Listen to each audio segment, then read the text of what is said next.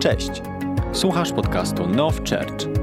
Cieszymy się, że tutaj jesteś i wierzymy, że to słowo przyniesie nowe zwycięstwa do Twojego życia. Wiecie, zanim przejdziemy dalej y, do słowa, które bardzo wierzę, y, Duch Święty kładł mocno y, na ten czas, ale to, co chciałbym Was prosić, bo wiecie, przekaz, jakby to, co płynie z tego miejsca, to wychodzenie poza schematy i to, co czuję cały czas w środku, żebyśmy wyszli trochę właśnie poza schemat.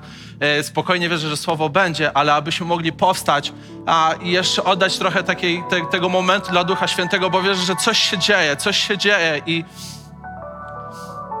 i chcę być wierny temu, co odbieram w środku, bo wierzę w to, że to, co tym czego najbardziej potrzebujemy, to przede wszystkim Jego działania. Jego działania na nowy sposób, to co On chce na nowo coś zrobić. Więc to, co, o co chcę Ciebie prosić, to żebyś zaczął teraz wyrażać swoje serce przed Nim.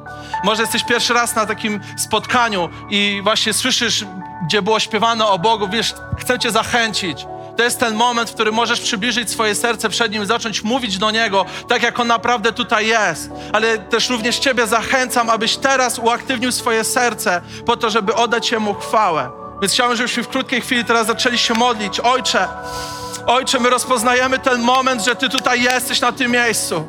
Duchu Święty, my nie chcemy iść nigdzie dalej bez Ciebie. My nie chcemy nigdzie iść dalej bez Twojego poruszenia, bez Twojego działania, Ojcze.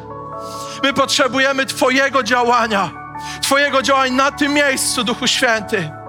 My jako Kościół, Ojcze, jesteśmy spragnieni tego, aby widzieć, jak Ty działasz. Ojcze, tu nie chodzi o kolejne słowa, które będą padały, ale tu chodzi o to, żebyś to Ty przejawiał się. Aby Twoja moc się przejawiała, Duchu Święty. Ja, Ojcze, błogosławię każdą osobę na tym miejscu. Błogosławię każdą osobę, Ojcze, i dziękuję Ci, że jest tak drogocenna dla Ciebie. Ojcze, jest tak drogocenna dla Twojego imienia. Jest tak drogocenna dla Ciebie, Ojcze. Wiecie, jak tak trwamy, to co odbierałem, to to, że tak była ta pieśń i biegnę do tronu, i biegnę do tronu. I wiecie, Słowo Boże nas naucza, że przed tronem Bożym jest Boża łaska stosowna ku pomocy dla Ciebie i dla Twojego życia. Ale to, co odbierałem, że wielu ludzi nie biegnie po tą łaskę. Że wielu nie ma sił, aby biec. I wiem, że wielu ludzi, tak jak tutaj się znajduje, właśnie w takiej sytuacji, że nie mamy sił nie mamy sił, aby biec. I to, co czułem bardzo mocno, że tą siłą to jest decyzja. Bo to, co cię powstrzymuje, to często samo potępienie z powodu tego, jak twoje życie się potoczyło. Ale łaska jest przed tronem Bożym. Jest czas decyzji jest czas decyzji, aby pobiec. Aby wstać i zacząć biec. Niezależnie od tego, co się dzieje, niezależnie od tego, jak bardzo wygląda Twoja sytuacja tragicznie, niezależnie od tego, w którym miejscu się teraz znalazłeś, chcę Ci powiedzieć, jest czas decyzji. Jest czas decyzji, aby zacząć biec po Bożą łaskę, którą Bóg ma dla Twojego życia, którą Bóg przygotował dla Ciebie. Dlatego chciałbym, abyśmy razem podnieśli głos. Jeszcze podnieśli ten głos, że decydujemy. Ojcze, że decydujemy, że niezależnie co się wydarzy, zaraz my, Ojcze, decydujemy, że biegniemy, że biegniemy, Ojcze, że decydujemy o to, aby pobiec po tą łaskę, aby biec po to, Ojcze, co Ty masz dla nas. Halleluja, Ojcze. Wywyższamy Ciebie na tym miejscu. Wywyższamy Ciebie na tym miejscu, Ojcze. To jest Twój czas. To jest Twój czas, Ojcze. Czas decyzji. Czas decyzji, Ojcze. Czas decyzji, że biegniemy. Oh. Halleluja. Halleluja. Amen. Amen. I Ojcze, również się pomódlmy o to, że cokolwiek Ty, Panie, masz dla nas, jak my chcemy to przyjąć. Chcemy, żebyś Ty był w centrum tego wszystkiego. Chcemy, żebyś Ty był w centrum, Ojcze, tego, co tu się dzieje. Tu chodzi o Ciebie. Tu chodzi o Ciebie, Ojcze. O to, żebyś to Ty odebrał sobie chwałę. Tak jak Jezus nie odbierał sobie chwały z powodu samego siebie, ale szukał Twojej chwały, aby zaświadczyć o Tobie. I my chcemy zaświadczyć o Tobie. Jeśli pragniesz czegoś dzisiaj, możesz usiąść. Amen. Okej, nikt nie stoi jeszcze? Dobrze. Możemy zaczynać.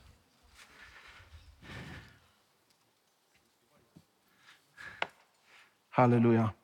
E, Wiecie, bardzo się cieszę z tego miejsca, że również moi ryce przyjechali. Wiecie, to jest coś niesamowitego. 400 kilometrów jechać po to, żeby posłuchać słowa. Halleluja. Myślę, że to jest coś niesamowitego. Amen. Jak dobrze wiecie, trochę prywaty. Od ponad dwóch, trzech miesięcy jestem szczęśliwie żonaty z piękną żoną Natalią. Także też, e, szczerze możemy być. Natalia, to gratulacje dla ciebie. Żartuję. E, Wiecie, jest temat, który, który gdzieś noszę w swoim sercu i wierząc w to, że właśnie to jest ten moment, aby coś może powiedzieć w tym kierunku, to jest to, jest to pragnienie, aby widzieć tak, jak On widzi. Temat, o którym dzisiaj chciałbym powiedzieć coś więcej, to jest to, aby widzieć tak, jak On widzi, bo wierzę w to bardzo mocno, że ja potrzebuję widzieć tak, jak On widzi na moje życie, na mnie samego, na moją służbę, na rzeczy, które się dzieją, ale przede wszystkim na ludzi, którzy są dookoła mnie. Ja potrzebuję widzieć tak, jak On widzi, tak jak widzi moją żonę, tak jak widzi moją rodzinę, tak jak widzi moich przyjaciół, tak jak widzi mojego szefa, tak jak widzi mój kościół, tak jak widzi moich przywódców. Ja chcę widzieć tak, jak On widzi, po to, żebym złapał Jego perspektywę na to, jak On chce działać. Jeśli wierzę w to, że my potrzebujemy, potrzebujemy takiego nastawienia, ja potrzebuję takiego nastawienia w sobie cały czas przypominać sobie, że ja Boże, bez Twojej perspektywy to ja nic daleko dalej nie pójdę. Nigdzie dalej nie pójdę. Nie wiem jak Ty, ale ja się z tym nie urodziłem. Nie mam, od, chociaż mam niesamowitych rodziców, ale niestety nie nauczyli mnie tak do końca dobrze Bożej perspektywy, dlatego że jesteśmy ludźmi, nie dlatego, że coś źle robili, ale dlatego, że jesteśmy ludźmi. I potrzebujemy w sobie podjąć jedną rzecz. Podjąć decyzję tego, że chcę zacząć widzieć tak jak On. I że to nie jest coś, co jesteś w stanie, albo masz, albo nie masz tego, albo jesteś szczęśliwcem i wygrałeś i myślisz jak Bóg, tak jak On. Nie. To jest decyzja, aby myśleć tak jak On. My decydujemy o tym, że w naszym życiu chcemy widzieć, myśleć i patrzeć tak jak On chce, abyśmy mogli żyć tutaj. I co ciekawe dla mnie, że wierzę w to, że właśnie poprzez to, kiedy mamy tą decyzję, to rodzi się coś niesamowitego. Bo tak jak patrzę i to, co trochę powiem, będzie może takim górnolotnym hasłem, ale chciałbym, żebyśmy byli odważni w tym. Bo to, co chcę powiedzieć, jest to, że jakąkolwiek historię Twoje życie ma napisać o Bożym dziele, o Bożym poruszeniu, o Bożym działaniu. Wszystko zaczyna się od tego, jak zaczynamy widzieć tak, jak On. Jakąkolwiek historię Twoje życie ma napisać w miejscu, w którym jesteś. Jakąkolwiek historię o Bożym dziele, o Bożym działaniu, o przyjawach Bożej mocy, o tym, że Bóg się porusza przez Twoje życie. Tak potrzebujemy zacząć widzieć przede wszystkim tak jak On.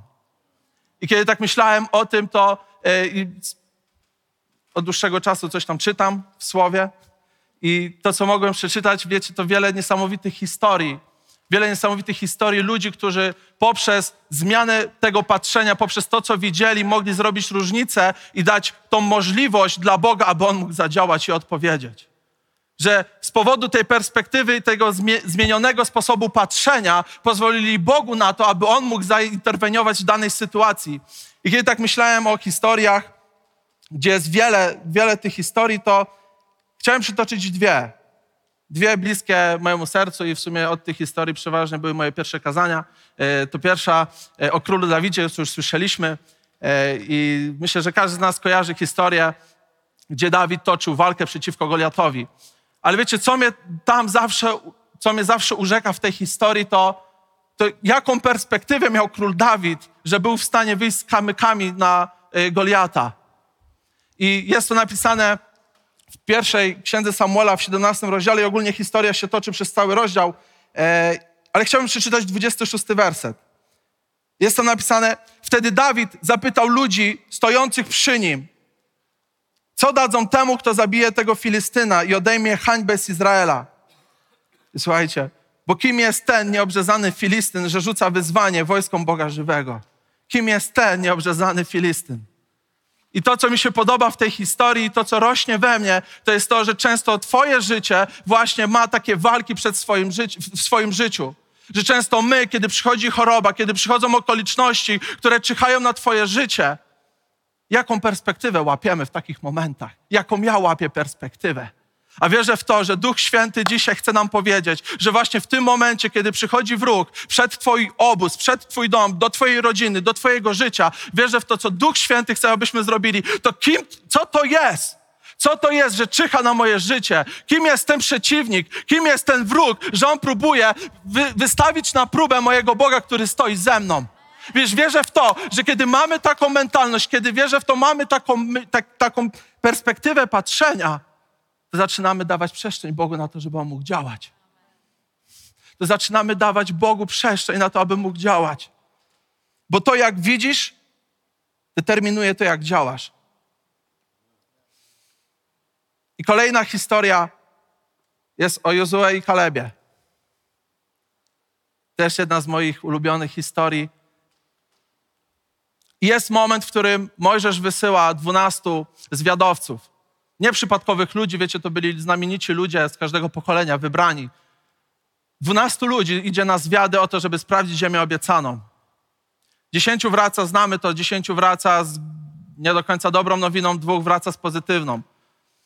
I nagle jest sytuacja, tak się obraca, że tych dziesięciu przekonało cały lud na to, aby nastawali przeciwko Mojżeszowi Aaronowi, że z wyrzutami na to, co zrobili. I wiecie, chciałem przeczytać troszkę dłuższy fragment, ale wierzę w to, że jest coś tam, co Duch Święty chce również do ciebie i do mnie powiedzieć.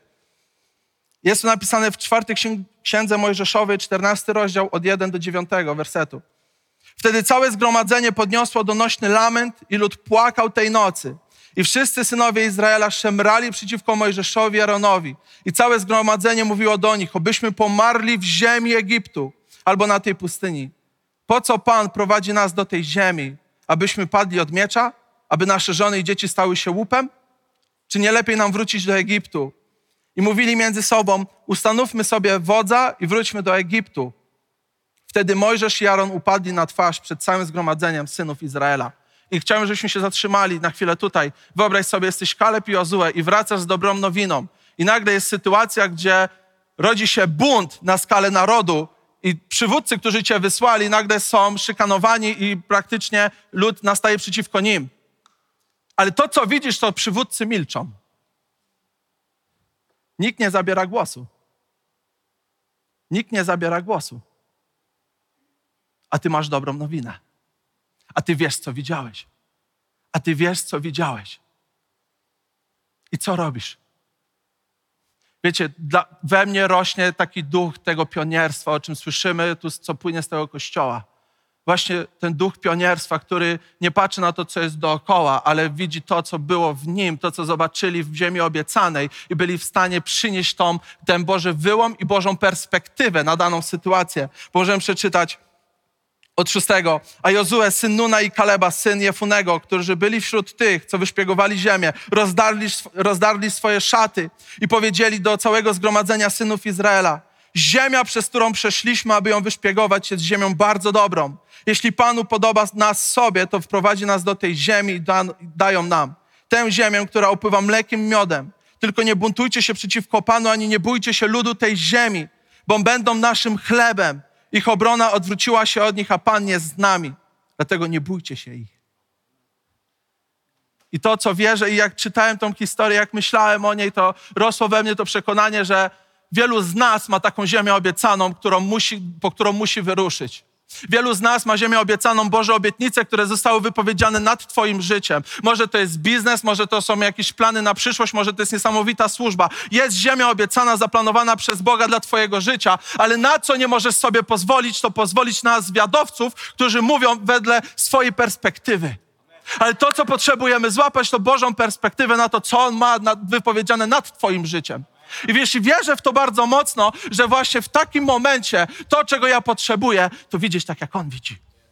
Dlatego potrzebuję, aby moje serce było blisko Jego sercu, aby widzieć to, jak On to widzi.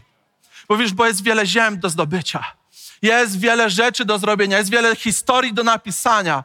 I nie mówię tego jako tylko górnolotnych słów, jako górnolotne hasła, ale jako rzeczywistość, do której wierzę, Bóg nas zaprasza. Rzeczywistość, do której Bóg dzisiaj Ciebie i mnie zaprasza. Po to, aby sięgnąć to, co On zaplanował nad Twoim życiem. I wierzę w to, że Boży sposób patrzenia uwalnia Jego sposób działania. Jego sposób, Jego sposób działania. I nie wiem, jak pewnie wielu z nas było w sytuacji, w której głosili, głosiliśmy komuś, nagle sytuacja w pracy wychodzi, że ktoś się skarży na, że coś go boli, coś się dzieje. I wiecie, i ten moment, w którym ty wiesz, że wiesz. Wiesz, że wiesz, że jest inna metoda na odpowiedzenie na tą sytuację. I wiesz, i to, co się dzieje, to właśnie możliwość, aby patrzeć z perspektywy Bożej na daną osobę i dzięki temu uwolnić Boże działanie. Bo wtedy, kiedy patrzę w sposób tak, jak Bóg patrzy, to wtedy widzę, że Jezus Chrystus umarł za nią. Więc może to jest sposobność do tego, aby mógł się podejść do niej i się pomodlić o nią, po to, aby mogła doświadczyć swojego życia. wiecie, widziałem to wiele razy, jak mój sposób myślenia musiał umierać po to, żeby zgodzić się z jego punktem myślenia i patrzenia na daną sytuację. I wiecie, to jest niesamowite, bo dzieją się niesamowite rzeczy. Dzieją się niesamowite przejawy Bożego działania. Ale dlaczego? Dlatego, że pozwoliliśmy, aby to jego punkt patrzenia zwyciężył. Bo jest łatwiej myśleć według tego, jak my myślimy. Jest o wiele łatwiej. Ale wymaga to niesamowitej dojrzałości w nas, aby podjąć decyzję, aby myśleć tak jak On, aby widzieć tak jak On, aby żyć tak jak On chce. I dzisiaj chciałbym e, mówić więcej trochę o apostole Pawle. Jest to dla mnie osoba, oczywiście o Jezusie też będziemy mówić, e, ale jest to dla mnie postać, która, która czytając teksty, czytając pewne rzeczy, które wypływają z jego serca, przeszywają mnie niesamowicie. Bo pokazuje mi to, że jest droga, jest miejsce, do którego mogę, do, wiecie, że mogę iść. Jest droga, w której mogę wzrastać. Są, są te, jest ta perspektywa wzrostu, do której wierzę, Bóg mnie dzisiaj zaprasza.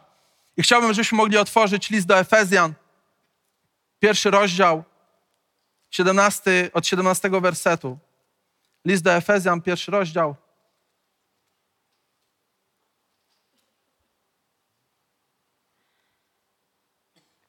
Do 19. Prosząc, aby Bóg naszego Pana Jezusa Chrystusa, Ojciec chwały, dał wam ducha mądrości i objawienia w poznaniu Jego samego, ażeby oświecił oczy waszego umysłu, abyście wiedzieli, czym jest nadzieja Jego powołania czym jest bogactwo chwały Jego dziedzictwa świętych i czym jest przemożna wielkość Jego mocy wobec nas, którzy wierzymy, według działania potęgi Jego siły. I zobacz na 17, bo wiesz, że to jest klucz w kontekście tego, o czym apostoł Paweł mówi, e, motywacji Boga w kontekście do ciebie, do człowieka.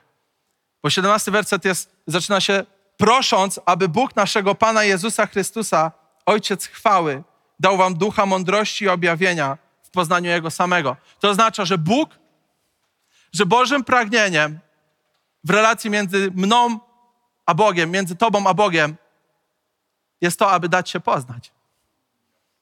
Wiecie, nie możemy ruszyć dalej z tym fragmentem, nie możemy pójść dalej, jeśli nie, nie, nie utwierdzimy naszych serc w tym, w tym zrozumieniu, w tym patrzeniu, że Bóg, potężny Bóg, chce dać się poznać że On pragnie relacji, On pragnie być ze mną jeden na jeden po to, aby pokazywać mi siebie samego. Wiecie, wierzę w to, że niestety jesteśmy podatni na to, że mój punkt patrzenia opiera się na to, co ja robię i tak, jak mi się wydaje. I często nie wydaje mi się, że dobry Bóg by chciał ze mną spędzić czas. Ale się okazuje, że On chce. I się okazuje, że On cały czas chce. Dlatego, że dał Ducha Świętego, który działa cały czas dał Ducha Świętego po to, żebym ja mógł poznawać Boga. Pomyśl o tym. Umożliwił nam drogę do tego, abyśmy poznali Boga, abyśmy poznawali Go. Po to, aby osiemnasty werset, ażeby oświecił oczy waszego umysłu, abyście wiedzieli. Po to wierzę w to, że Bóg dał nam ducha, który wprowadza nas we wszelką prawdę, ale również po to, który bada głębokości Boże i objawia nam te głębokości Boże. Wiecie, w, tej, w, tej ukrytej, w tym ukrytym miejscu, w tym, w tym ukrytym miejscu, w którym jesteś ty i On. O którym może nikt nie wie, że masz takie miejsce, może nikt, nikt nie słyszał o takim miejscu, które masz, ale wierzę w to i modlę się, żebyśmy mieli takie miejsce ukryte, w którym jesteśmy z Nim, ukryci i w którym On pozwala przez moc swojego ducha oświecać nasze, nasz umysł, niektóre tłumaczenia mówią nasze serce. Oświecać oczy naszego umysłu i naszego serca, abyśmy wiedzieli, jaki potężny Bóg jest. I wtedy, kiedy widzę, jaki potężny Bóg jest, to wiem już, kogo reprezentować mogę. To wiem już, kogo reprezentuję i co tam jest. Ale bez tej relacji, ale bez tego momentu oświecenia, gdzie Duch Święty działa w moim życiu, nigdy nie będę w stanie widzieć. Inaczej, nigdy moje oczy nie doświadczą tego oświecenia, a jedynie będę słyszał o tym, co inni będą mówić. I mogą mi mówić i zapewniać, że Bóg mnie kocha, ale jeśli ja tego nie zobaczę tam, nigdy nie zaufam.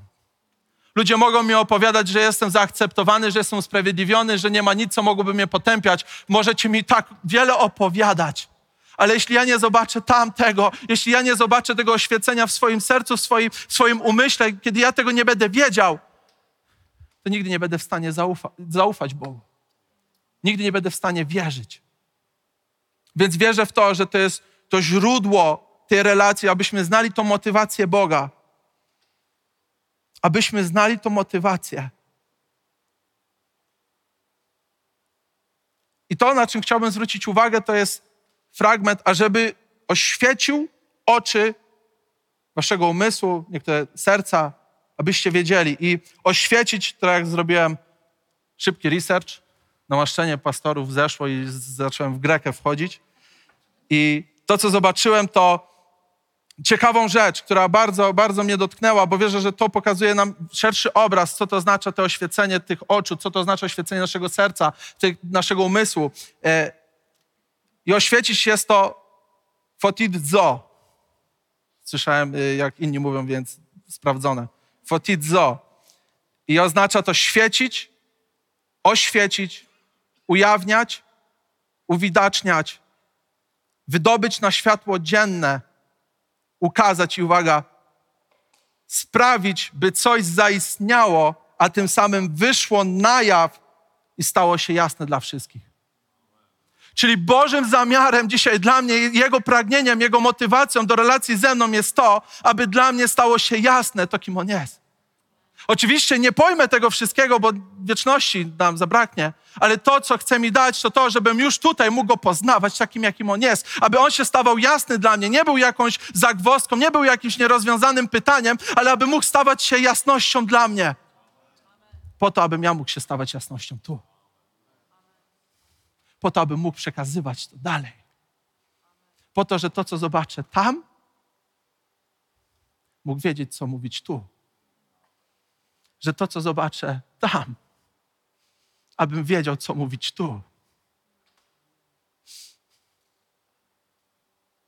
Trochę przyspieszę pewną historię. Mieliśmy taki moment, event, y, czas poruszenia, jeśli dobrze pamiętam. I był nie, niesamowity czas. Chyba ostatnia już sesja, pastor Jakub tu dawał czadu i wiecie, był no, niesamowity czas. I z przodu tutaj stałem, wiecie, i był, była tak, taka zachęta, żebyśmy otwierali jeszcze to serce bardziej i bardziej. Wiecie, poszedłem za tym i zacząłem otwierać jeszcze bardziej i bardziej. I, I to, co przeżyłem w tamtym momencie, było dla mnie bardzo czymś osobistym. I trudno mi wam będzie to zrozumieć, co powiem, bo wiecie, bo to trzeba przeżyć, ale postaram się jakoś to opowiedzieć, że to, co zacząłem odczuwać, to niesamowitą miłość Boga do mnie. Wiecie, taki, takie zrozumienie tej Bożej akceptacji, tego, że wiesz, Tymku, jest wszystko ok, jesteś kochany, wow, w ogóle łezka gdzieś tam leci, to przepraszam, łezka gdzieś poleci, to wie, gdzieś tutaj e, poprawić i to. E, wiecie, tak czułem się zaakceptowany. Ale im bardziej trwałem w tym takim momencie uwielbienia, uniesienia, tym bardziej rosła we mnie jeszcze taka druga rzecz. Jego miłość do ludzi.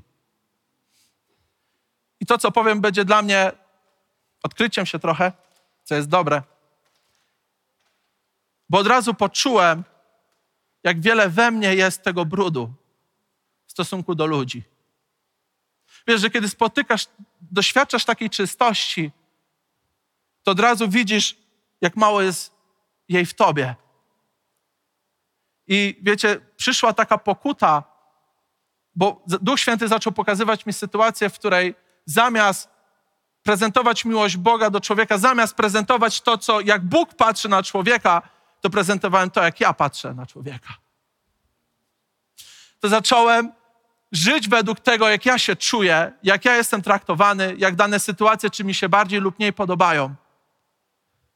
Ale kiedy doświadczasz tej czystej, tego czystego źródła miłości, zaczynasz widzieć, że uff, jest jeszcze większy poziom. Może ci się wydawać, że jesteś taki chojrak, bo słowo wiary, życia, wiesz, chodzisz, wierzysz w znaki cuda, w Boże poruszenie. Ale przychodzi taki moment, który uwydatnia wszystko. I pamiętam, że latałem jak głupi po ludziach. Przepraszam, co oni nawet nie wiedzieli za co, ale wiedziałem, że muszę odpowiedzieć na to, że pozwoliłem sobie, aby patrzeć na ludzi nie według Bożej perspektywy, ale według często mojej. I mam świadomość, że często tak jeszcze będzie. Mam świadomość, ale wiem jedno, że po to Bóg, Jego pragnieniem jest to, aby ze mną spędzić tutaj ten czas, po to, żebym jeszcze bardziej przesiąkał Jego DNA, po to, żebym jeszcze bardziej przesiąkał Jego perspektywą patrzenia. I wiecie, i można pomyśleć, że apostoł Paweł no tak sobie napisał. To chciałbym was zabrać do trzech fragmentów, które dla mnie są, że powiedzieć, Mont Everest to mało powiedzieć.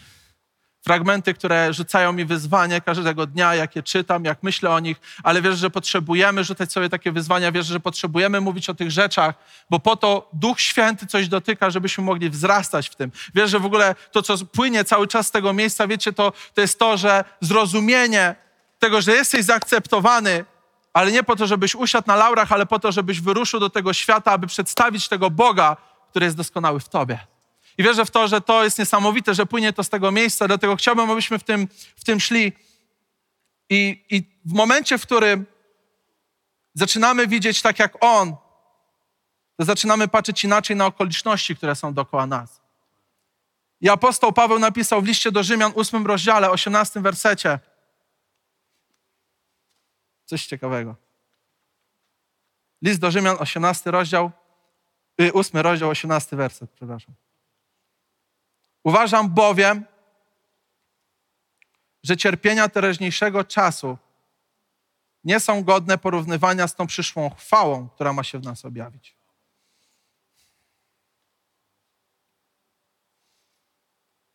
Że cierpienia teraźniejszego czasu nie są godne porównywania z tą przyszłą chwałą, która ma się w nas objawić. I o czym apostoł Paweł tu mówi? O jakich okolicznościach on tu mówi? I wybrałem sobie w sumie dwa takie fragmenty, które opowiadają o tych okolicznościach i chciałbym je przeczytać, e, bo może też tutaj wielu z nas pragnie służby, pragnie działać, pragnie żyć z Bogiem, to myślę, że dobrze się przygotować. Amen? I jest to napisane w drugim liście do Koryntian,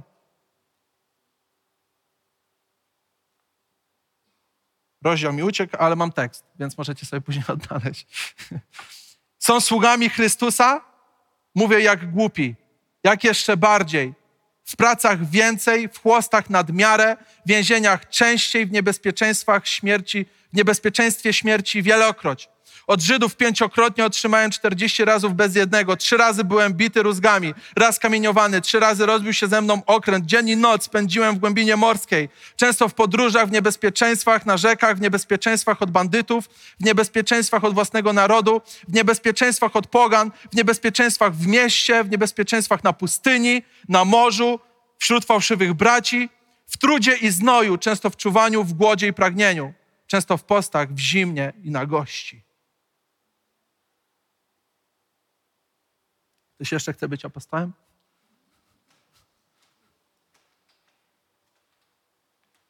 I on, ten człowiek, który to przeżył, mówi mi, że te prześladowania, one nawet nie są godne uwagi. One nawet nie są godne uwagi ze świadomości tego, co jest we mnie. Ze świadomością tego, jaka chwała prześladowania, sytuacje, które się dzieją, one nawet nie są godne. Zobacz, zobacz w, jakiej, w jakim musisz być miejscu, aby powiedzieć i napisać coś takiego, że to nie jest coś godnego porównania z perspektywą, sposobem patrzenia na Bożą chwałę.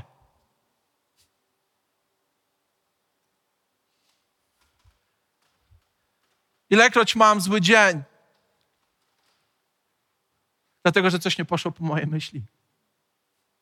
Ilekroć sobie daję to prawo, że cokolwiek się dzieje, że kierowca przede mną przegapił strzałkę na zielonym i muszę czekać dodatkowe pięć minut. Jak często pozwalam sobie na to, aby żyć według perspektywy tego, co jest tu i teraz, zamiast patrzeć według perspektywy, tak jak apostoł Paweł, tej wieczności. Wiecie, wierzę w to, że dobrze jest, dobrze jest cieszyć się rzeczami doczesnymi. Kiedy jeździsz Mercedesem po autostradzie, ciesz się tym. Wiecie, to jest coś pięknego.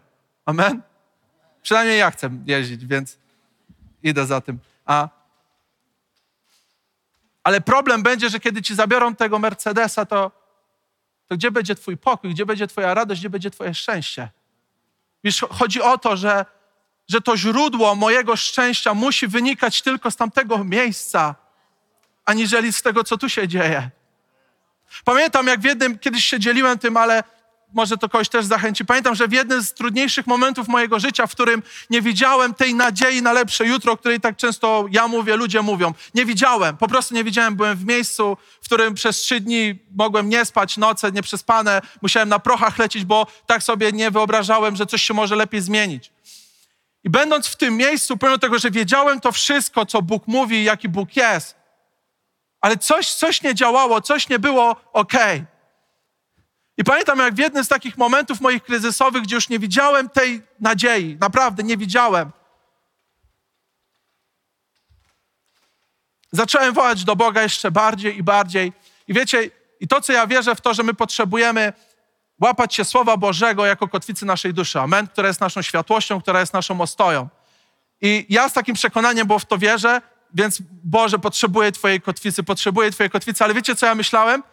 Jakiś taki niech się teraz objawi na nowo, drugi list do Koryntian 9,8, no bo go znam, ale na nowo niech się jakoś ożywi i zachęci mnie, żebym wierzył, że Bóg ma potężną moc, która zaspokoi wszelką moją potrzebę. Serial, naprawdę tak wierzyłem. I to się modliłem. Boże, daj mi jakiś fragment, na którym mogę stanąć. Boże, daj mi coś, żeby jakiś z Ameryki Mike zadzwonił i powiedział, dał mi miliony, żeby odpowiedziały na moją potrzebę, bo Ty widzisz. Bo Ty przecież widzisz. Ale to, co Duch Święty dał, to nie rozwiązanie sytuacji, w której byłem, ale dotknięcie korzenia, w którym się znajdowałem. Bo to, gdzie mnie zabrał, to wiecie, coś niesamowitego. Kojarzycie moment, kiedy Jezus wysłał uczniów, po, gdzie powiedział: idźcie i nauczajcie, głoście w mocy, i uczniowie wracają podekscytowani. To było nam, to się działo, tamto się działo, demony nam podległe. Jezus się radował tym, ale później powiedział: Nie radujcie się z tego, że demony są wam podległe, ale radujcie się z tego, że wasze imiona są w niebie. Słuchajcie, ja w tamtym momencie nie byłem taki szczęśliwy jak wy. Ale to, z czym Duch Święty zaczął działać, to z moją perspektywą. Bo to, z czego mnie zabierał, to z tego, co jest doczesne tutaj. A zaczął zabierać mnie tu, do wieczności.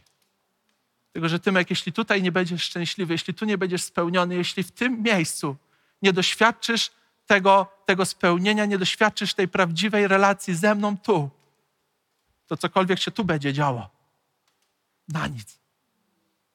Więc wierzę w to, że tym bardziej my potrzebujemy żyć tym, co wieczne, niż gonić za tym, co chwilowe. Żyć tym, co wieczne, niż gonić za tym, co chwilowe. I drugie, wierzę, że kiedy łapiemy tą Bożą perspektywę, kiedy łapiemy to, jak Bóg patrzy, jak Bóg widzi, jak Bóg postrzega, to również zaczynamy widzieć to, jak widzi nas. Jak zaczyna postrzegać nas. I wiecie, często łatwiej nam się skoncentrować na tym, jak Bóg postrzega innych. No, że wiesz, Bóg cię tak ukochał ale nieraz trudniej jest to powiedzieć samemu sobie. Że to On Ciebie ukochał, że to mnie ukochał. I w pierwszym liście do Koryntian, w szóstym rozdziale, dwudziestym wersecie, Będą dwa fragmenty, które wierzę są potrzebne i ważne, abyśmy jeszcze raz sobie przypominali, jeszcze raz budowali ten fundament tej Bożej perspektywy na nas. Więc pierwszy list do Koryntian 6:20. Drogo bowiem zostaliście kupieni.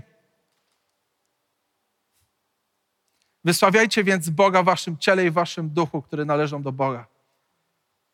Drogo bowiem zostaliście kupieni. Bóg określił wartość nad Twoim życiem, posyłając swojego syna za Ciebie. Więc jakim prawem Ty dzisiaj ustalasz wartość nad swoim życiem według tego, co Ci się wydaje, skoro ona została tak drogo zapłacona przez krew Jezusa? Jakim ja prawem dzisiaj pozwalam sobie, aby grać wartością wśród innych ludzi i nad swoim życiem? skoro zostało już to dawno określone. Skoro Słowo Boże mówi, drogo, żeście kupieni zostali. Bóg zapłacił drogą, wysoką cenę za Ciebie i za mnie. I czas, abyśmy zaczęli się szanować, jeżeli według tej wartości, jak Bóg naprawdę widzi nas. Nie jesteś jakimś tam sobie przechodnim, nie jesteś jakimś tam sobie przypadkowym człowiekiem tutaj na tej ziemi. Bóg zapłacił ogromną cenę za ciebie. Więc czas, abyśmy zaczęli żyć według tej wartości, jaką Bóg widzi w nas. Czas, abyśmy zaczęli widzieć tą samą wartość w człowieku, tak jak Bóg widzi w nim. Wierzę w to, że to jest wyzwanie dzisiaj dla nas. Wyzwanie dla nas, bo wiem, że w tym momencie może masz tysiące myśli, które by powiedziały, że jest inaczej. Może znasz tysiące innych ludzi, którzy by powiedzieli o tobie, że jest inaczej ale to jest czas decyzji, według czego dzisiaj chcesz żyć. Widzisz, wierzę w to, że kiedy tam jesteś spełniony, to nie oczekujesz spełnienia od innych ludzi. Kiedy tam jestem spełniony, to ja już nic nie muszę oczekiwać od ciebie. Możesz się uśmiechnąć, możesz być miły dla mnie, ale wierzę w to, że możemy dojść do takiego miejsca, jak apostoł Paweł mówi, że nie widział nic innego wśród ludzi, jak Jezusa ukrzyżowanego.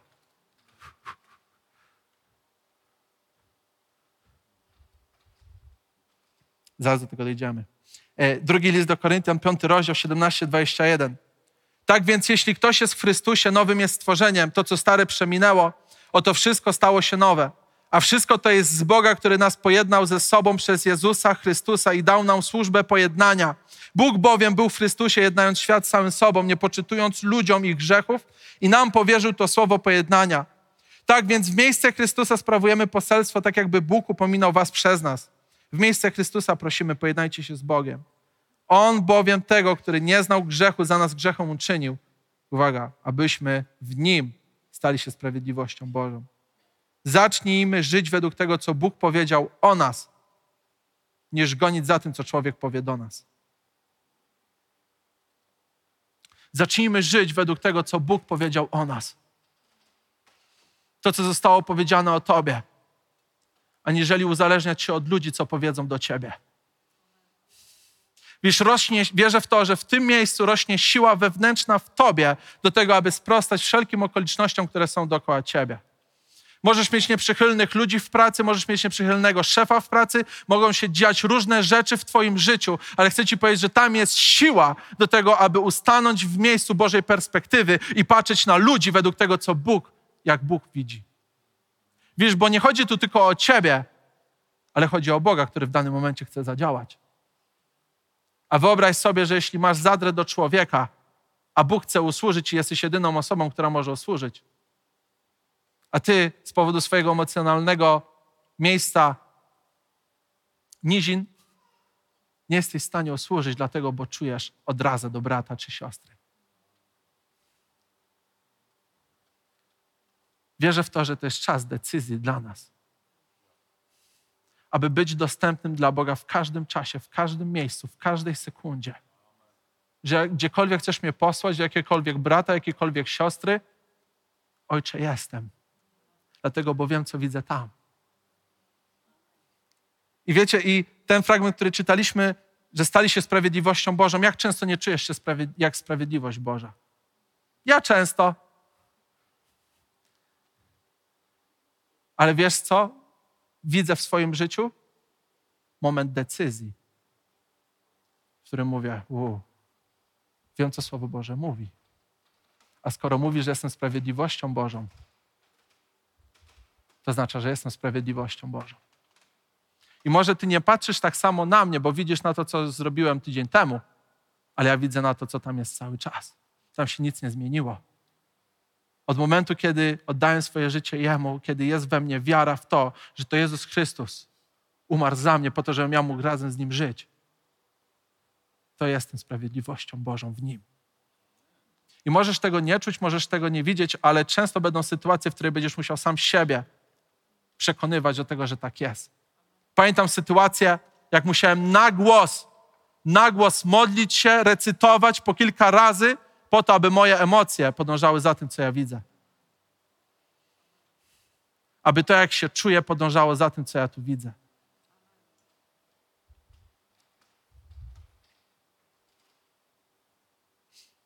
Więc Twoje poczucie wartości musi opierać się z tego, co On mówi do Ciebie. Bo jeśli tak nie jest, to zaczniesz budować według tego, co człowiek myśli i powie. Dlatego przestań okradać samego siebie z wartości, która została tak drogocennie zapłacona przez Jezusa. Ja muszę przestać okradać samego siebie z wartości, która została już dawno określona. I trzecie, to kiedy pozwalamy, jak Duch Święty zaczyna oświecać, pokazywać, wykazywać, to jak Bóg patrzy, to zaczynamy patrzeć inaczej na innych. I w pierwszym liście do Koryntian, drugim rozdziale od 1 do 2.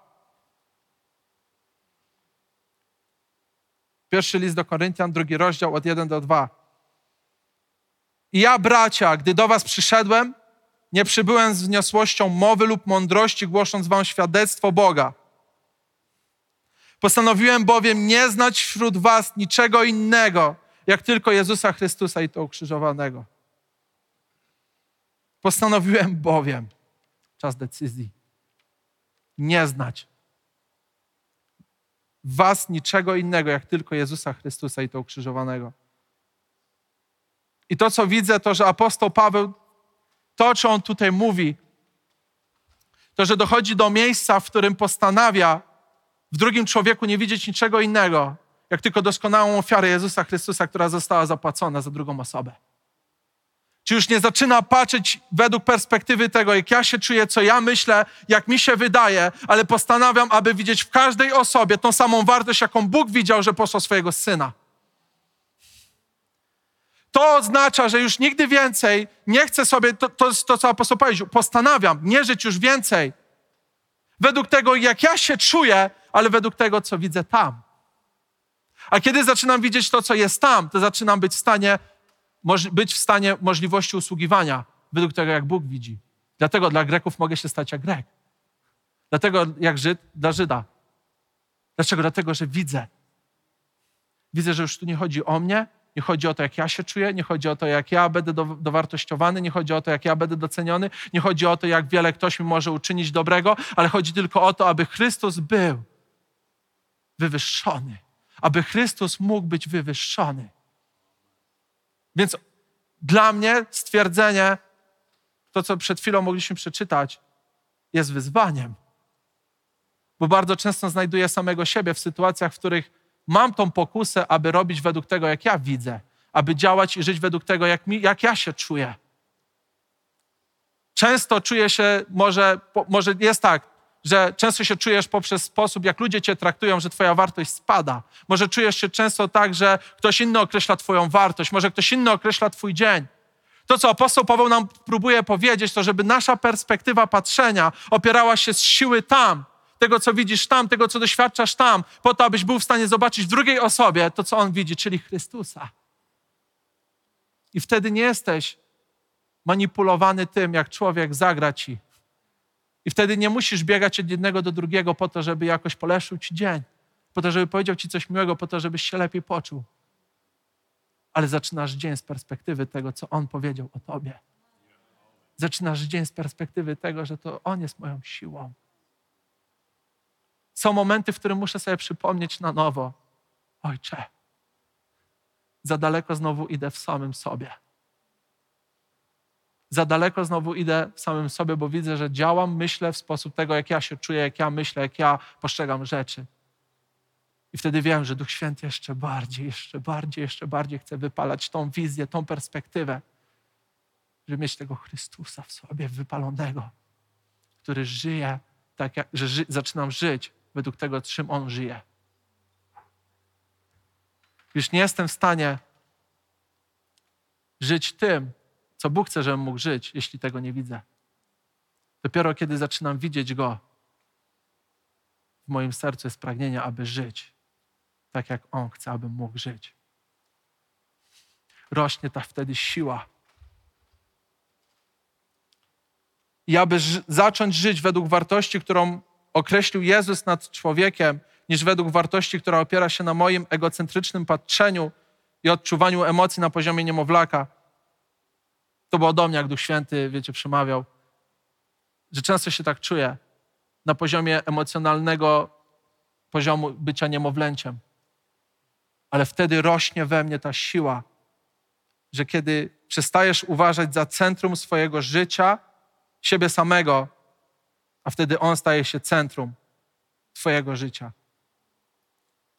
I wtedy apostoł Paweł w liście do Filipian 1:8 mówi, że dzieje się coś niesamowitego, bo Filipian 1:8 Bóg bowiem jest mi świadkiem, jak tęsknię do was wszystkich najgłębszymi uczuciami Jezusa Chrystusa. Im więcej przebywamy tu, tym więcej zaczynamy widzieć i odczuwać tak, jak On widzi. I wtedy jesteś w stanie przekazywać to dalej tu. I apostoł Paweł mówi, Bóg mi świadkiem. Bierze Boga na świadka, żeby potwierdzić to, co mówi, że mówi prawdziwie. Że uczucia, jakie mam wobec was, to już nie są moimi uczuciami. To już nie jest to, co ja myślę, to, co, ja, to, co jest moje. Ale odróżniam to, że to są uczucia Chrystusa, które mają źródło przepływu przeze mnie do Twojego życia. Wiecie, dla mnie to jest Mont Everest. Mówię, Panie, to jest droga, którą chcę iść. Droga, w której chcę wzrastać. Droga, w której wie, wiem o tym, że jako człowiek wiele upadam, wiele widzę tych, tych rzeczy, listków, które cały czas podkopują, to w którym widzę, że upadam w rzeczach człowie, po prostu relacyjnym gdzieś tam wśród ludzi, ale to, co tym bardziej widzę w sobie tą potrzebę wołania, Ojcze, Duchu Święty, pokazuj więcej. Pokazuj więcej tego, jakim Ty jesteś Bogiem, po to, abym mógł więcej mówić to, co widzę i zacząć żyć to, co widzę. Nigdy nie będziesz w stanie żyć, jeśli nie widzisz tego tam. Będziesz tylko słuchał niesamowitych kazań, będziesz jeździł na niesamowite konferencje, ale jeśli nie będzie momentu, w którym zaczniesz to tam widzieć, nigdy nie będziesz w stanie widzieć to, jak to żyje w tobie. I wymiar dla Kościoła. Jesteście ciekawi? Amen. Wymiar dla Kościoła. Filipian, drugi rozdział, 2-5. Dopełnijcie mojej radości, bądźcie tej samej myśli, mając tę samą miłość, będąc zgodni jednomyślni. Nie czyńcie nic kłótliwości ani z próżnej chwały, lecz w pokorze uważajcie jedni drugich za wyższych od siebie. Niech każdy dba nie tylko o to, co jest Jego, ale i o to, co innych. Niech będzie w was takie nastawienie umysłu, jakie też było w Chrystusie Jezusie. Nie czyńcie nic kłótliwości ani z próżnej chwały, lecz w pokorze uważajcie jedni drugich za wyższych od siebie. I wierzę w to, że to jest wymiar dla Kościoła. Wierzę w to, że tak jak mówimy, głosimy, to jak żyjemy, że kiedy ta relacja z Nim jest mocna w nas, tym przesłanie jest coraz wyraziste, jest bardziej wyraziste w nas. To, że tu już nie chodzi o mnie. A kiedy już nie chodzi o mnie, to chodzi o drugą osobę. A kiedy chodzi o drugą osobę, to jestem w stanie rozpoznać swoje miejsce w służbie i w momencie, w którym mogę coś zrobić po to, żeby pomóc drugiej osobie ale nigdy nie będę w stanie uważać drugą osobę za wyższą od siebie, jeśli ja sam ciągle w swoich oczach jestem cenniejszy niż mój brat czy siostra. Ale to wszystko zaczyna się w tej perspektywie, której widzę tam, że to, co Jezus zrobił, to rośnie we mnie to pragnienie, aby żyć tym tutaj. Więc wszystko wynika z relacji z Ojcem.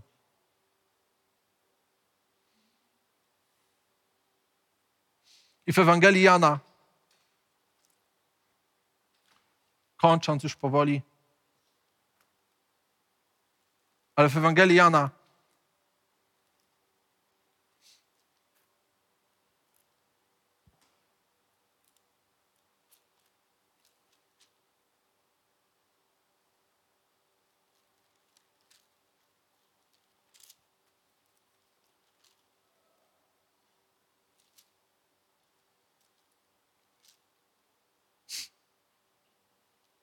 siódmy, piąty rozdział. Ewangelia Jana, piąty rozdział. Michał, jak mógłbym Cię prosić, bo będziemy kończyć już. Ale na koniec chciałbym, abyśmy mogli powiedzieć o jednej dla mnie z kluczowych rzeczy, które wierzę, że musi wybrzmieć z tego miejsca. Mówimy o praktyce. Wierzę w to, że przesłanie, to co słyszymy, musi być praktyczne. Musi mieć praktyczne zastosowanie. I jakby można sobie za- zadać pytanie, to gdzie ta praktyka? Wiadomo, mamy być z Bogiem. I Jezus to tak podbił dla mnie tą relację i ważność tego, jak bardzo my potrzebujemy. Jak bardzo my potrzebujemy dzisiaj chodzić z Nim.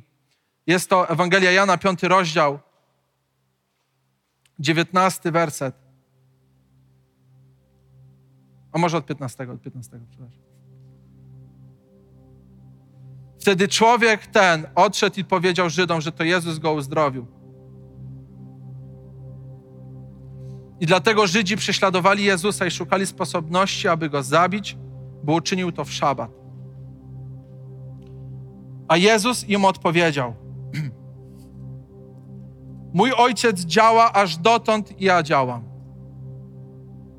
Dlatego Żydzi tym bardziej usiłowali go zabić, bo nie tylko łamał szabat, ale mówił, że Bóg jest jego ojcem, czyniąc się równym Bogu.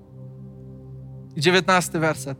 Wtedy Jezus im odpowiedział: Zaprawdę, zaprawdę powiadam wam, syn, syn nie może nic czynić sam od siebie, tylko to, co widzi, że czyni jego ojciec. Co bowiem on czyni, to i syn czyni tak samo. Bo ojciec miłuje syna i ukazuje mu wszystko, co sam czyni, i pokaże mu większe dzieła niż to, abyście się dziwili. Niż te, abyście się dziwili. Powiadam wam, że syn nie może nic czynić sam od siebie, tylko to, co widzi, że czyni ojciec. Co bowiem on czyni, to i syn czyni tak samo. Przez 15 lat, niedawno sobie liczyłem, 15 lat mojego doświadczenia w służbie w kościele. Miałem wiele wyzwań, wiele służb, wielu liderów, wiele, wiele się działo. Ale mogę powiedzieć, że w przeciągu 15 lat była jedna rzecz, która stanowiła największym wyzwaniem w moim życiu. To było utrzymanie Bożego ognia w relacji z Nim. Nie wyzwania, nie zadania, nie rzeczy, które stały, ale utrzymania ciągłej relacji z Bogiem, połączenia z Nim, podtrzymania tego ognia z Nim. Bo zrozumiałem, że nie mogę służyć ludziom, jeśli najpierw tu nie widzę. A bardzo często służyłem ludziom, zapominając do końca, co tam jest tu, co tam jest, a koncentrując się, co jest tu. I wierzę w to, że dla Ciebie i dla mnie tym przesłaniem jest to, że to jest czas, w którym to, co widzisz u Ojca, zaczynasz żyć tym, co widzisz u Ojca. Zaczynasz pragnąć to, co widzisz u Ojca. Pytanie, jakie ja sobie zadaję, to jest, co ostatnio widziałem u Ojca. Wiecie, to są trudne pytania, bo one konfrontują nas, ale my potrzebujemy tej konfrontacji, abyśmy zrozumieli, że nie ma czasu. Że to jest czas, aby, abym odpowiedział, aby skonfrontował to, bo może moje życie nie do końca przebiega tak, jak mi się wydaje, bo właśnie nie do końca mam ten, ten czas z tym Ojcem. Może robię rzeczy dla Ojca, ale nie do końca spędzam z Nim czas. Może skończyłem w miejscu, w którym Czynię, robię, działam, bo wydaje mi się, że tak trzeba, bo wydaje mi się, że taka jest kultura robienia. A już dawno zapomniałem, dla kogo to robię. Dawno zapomniałem już, co mnie motywowało do tego, że to robię. Jest czas powrotu do tego, aby zacząć widzieć, aby utrzymać wzrok w Nim, aby utrzymać wzrok w Nim, bo kiedy my utrzymujemy wzrok, to On zaczyna oświecać, wykazywać, pokazywać, dawać objawienie tego, jakim On jest, a kiedy widzimy to, jakim On jest, zaczynamy działać według tego, jaki On jest. Nie w innej kolejności, ale według tego, jaki On jest. I przyjacielu, moje pytanie kolejne, które ja wierzę, że do mnie, które do mnie Duch Święty konfrontował i wierzę, że to też jest dla nas. Co cię trzyma? Co cię trzyma? Bo to, co cię trzyma, może się okazać, że jest bałwochwalstwem w Twoim życiu i przyjmuje miejsce, które należy do Boga.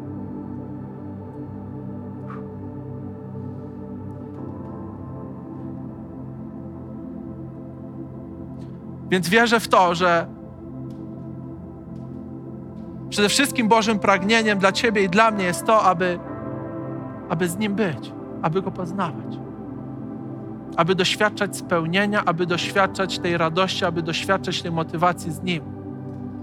I wtedy, kiedy widzę Go, zaczynam lepiej widzieć Was.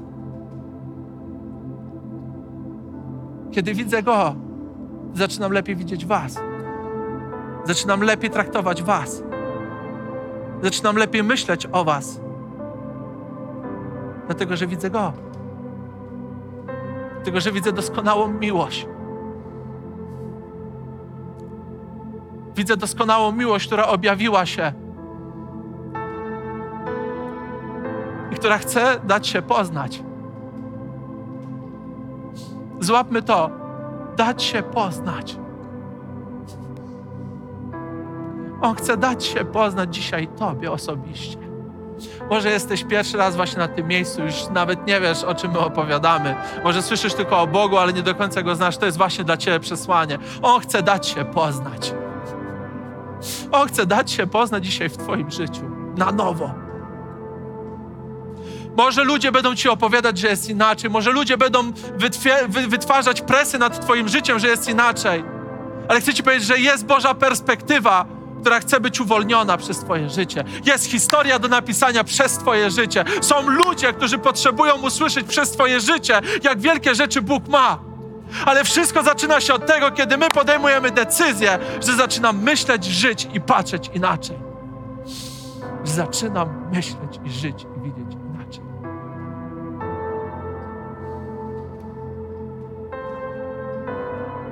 Czas decyzji.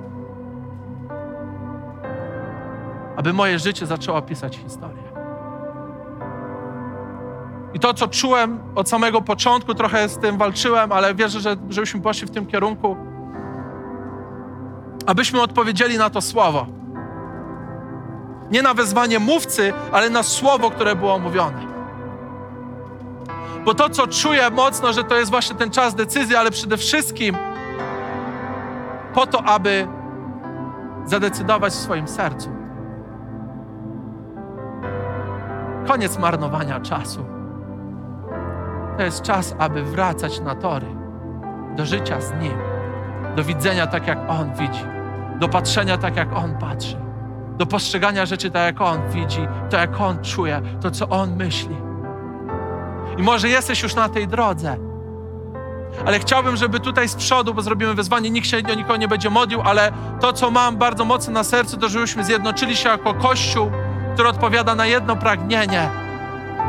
Ojcze, my potrzebujemy Ciebie, my potrzebujemy widzieć Ciebie, my potrzebujemy widzieć Twoją perspektywę, jaką masz na Polskę, perspektywę, jaką masz na moje finanse, perspektywę, jaką masz na mój, mój, mój dom, na moje małżeństwo, na moje dzieci, na ludzi, których mam, dla koordynatorów, dla pastorów, na ludzi, którzy są dookoła mnie. Ja potrzebuję Twojej perspektywy bo wiem, że ja sam z siebie mogę zrodzić nic dobrego, ale wiesz, że kiedy patrzę przez Ciebie, to zaczynam rodzić dobre rzeczy. I wtedy, kiedy mój pastor potrzebuje zbudowania i zachęty, to wiem o tym, że mogę go zachęcić, bo widzę, że można. Kiedy mój koordynator przeżywa trudny moment, to wiem o tym, że mogę go jakoś zachęcić, bo widzę inaczej, bo postrzegam inaczej. Kiedy widzę osobę, która źle się ma, to wiem, że mogę podejść, bo widzę o tym, że mogę podejść, bo wiem, że mam to podniesienie, mam tą nadzieję. Bo mam tą nadzieję. Bo widzę. Bo widzę. W tego kościele będziemy śpiewać pieśń. Nie wiem, jak to pójdzie, w którym momencie. Nie wiem. Wierzę też, że jak Duch Święty będzie mówił, pastorzy też będą udzielać w danym momencie, jak trzeba, ale to, co czuję, to, że Bóg chce coś zrobić na tym miejscu. Więc jeśli czujesz to teraz sobie, jeśli wiesz, że to jest coś dla Ciebie, jeśli chcesz zapieczętować, jeśli chcesz pewną decyzję postanowiłeś, chcesz odpowiedzieć, zachęcam, abyśmy się zgromadzili tutaj z przodu, żebyś nie wychodził dla człowieka, nie wychodził dla człowieka, ale wyszedł na odpowiedź Bożego serca, na to, co Bóg ma bo jest pieśń, o której będziemy śpiewać. Jest pragnienie serca, bo chcemy się zjednoczyć w tym pragnieniu, pragnieniu tego, Ojcze, że potrzebujemy Ciebie. Tego, że potrzebujemy Ciebie, Ojcze. Wiemy, że jako Kościół na Modlińskiej 6D, Ojcze, że Ty to widzisz. Widzisz nas, Ojcze. Widzisz Kościół. Widzisz Kościół, który się gromadzi, Ojcze. I wiemy o tym, że Ty masz odpowiedź dla nas. Masz odpowiedź na dany moment. Masz odpowiedź na rzeczy, które się dzieją. I tym bardziej my potrzebujemy. My tym bardziej potrzebujemy. Ale Kościele, niech to będzie Twój czas. To jest Twój czas z Bogiem. To jest Twój czas wołania. Wołania do Boga o to, co jest w Twoim sercu. Nikt nie będzie może dotykał Cię, ale jest moment, żeby Duch Święty Cię dotknął. To jest czas, aby Duch Święty odpowiedział.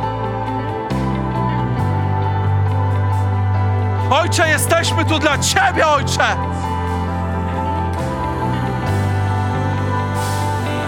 My widzimy to, że Ty jesteś tutaj. I robisz nową rzecz. Robisz nową rzecz, Ojcze. Robisz nową rzecz, Ojcze.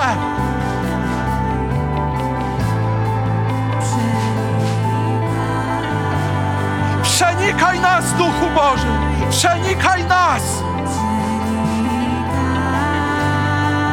Przenikaj Kościół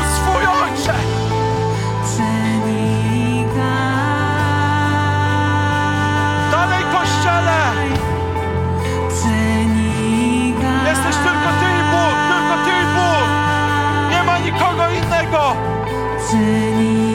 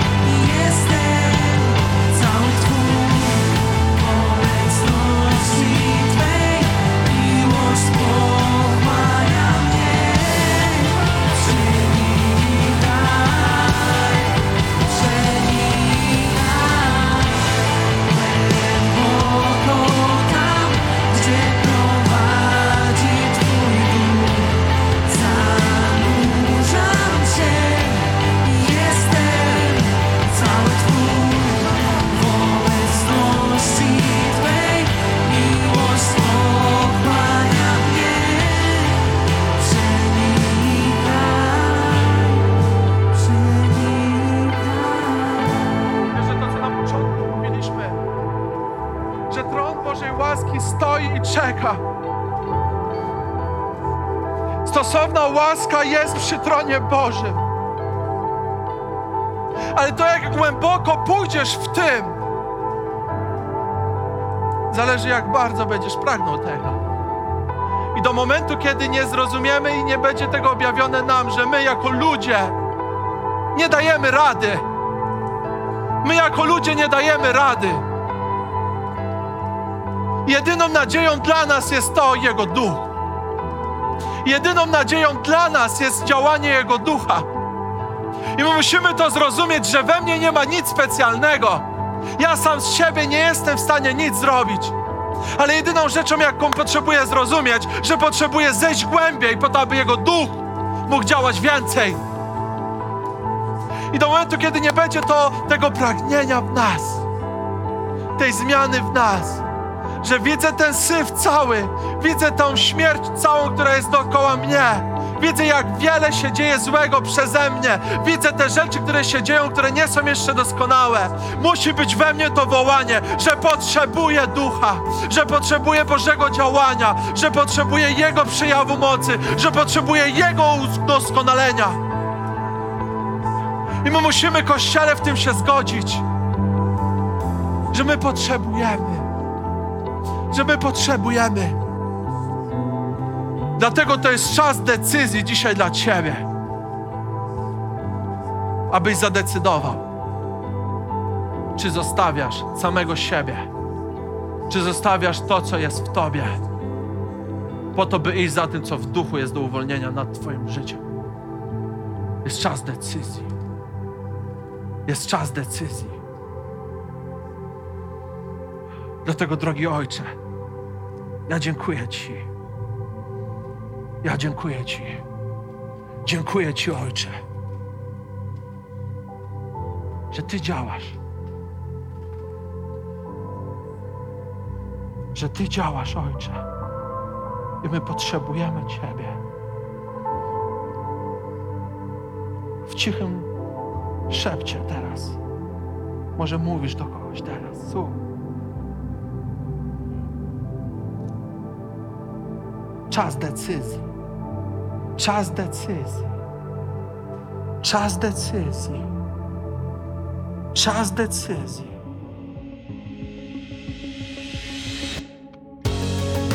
Dziękujemy, że byłeś z nami. Jeśli chcesz dowiedzieć się więcej o naszych działaniach lub nas wesprzeć, zapraszamy Cię na www.nationsonfire.org ukośnik nowchurch.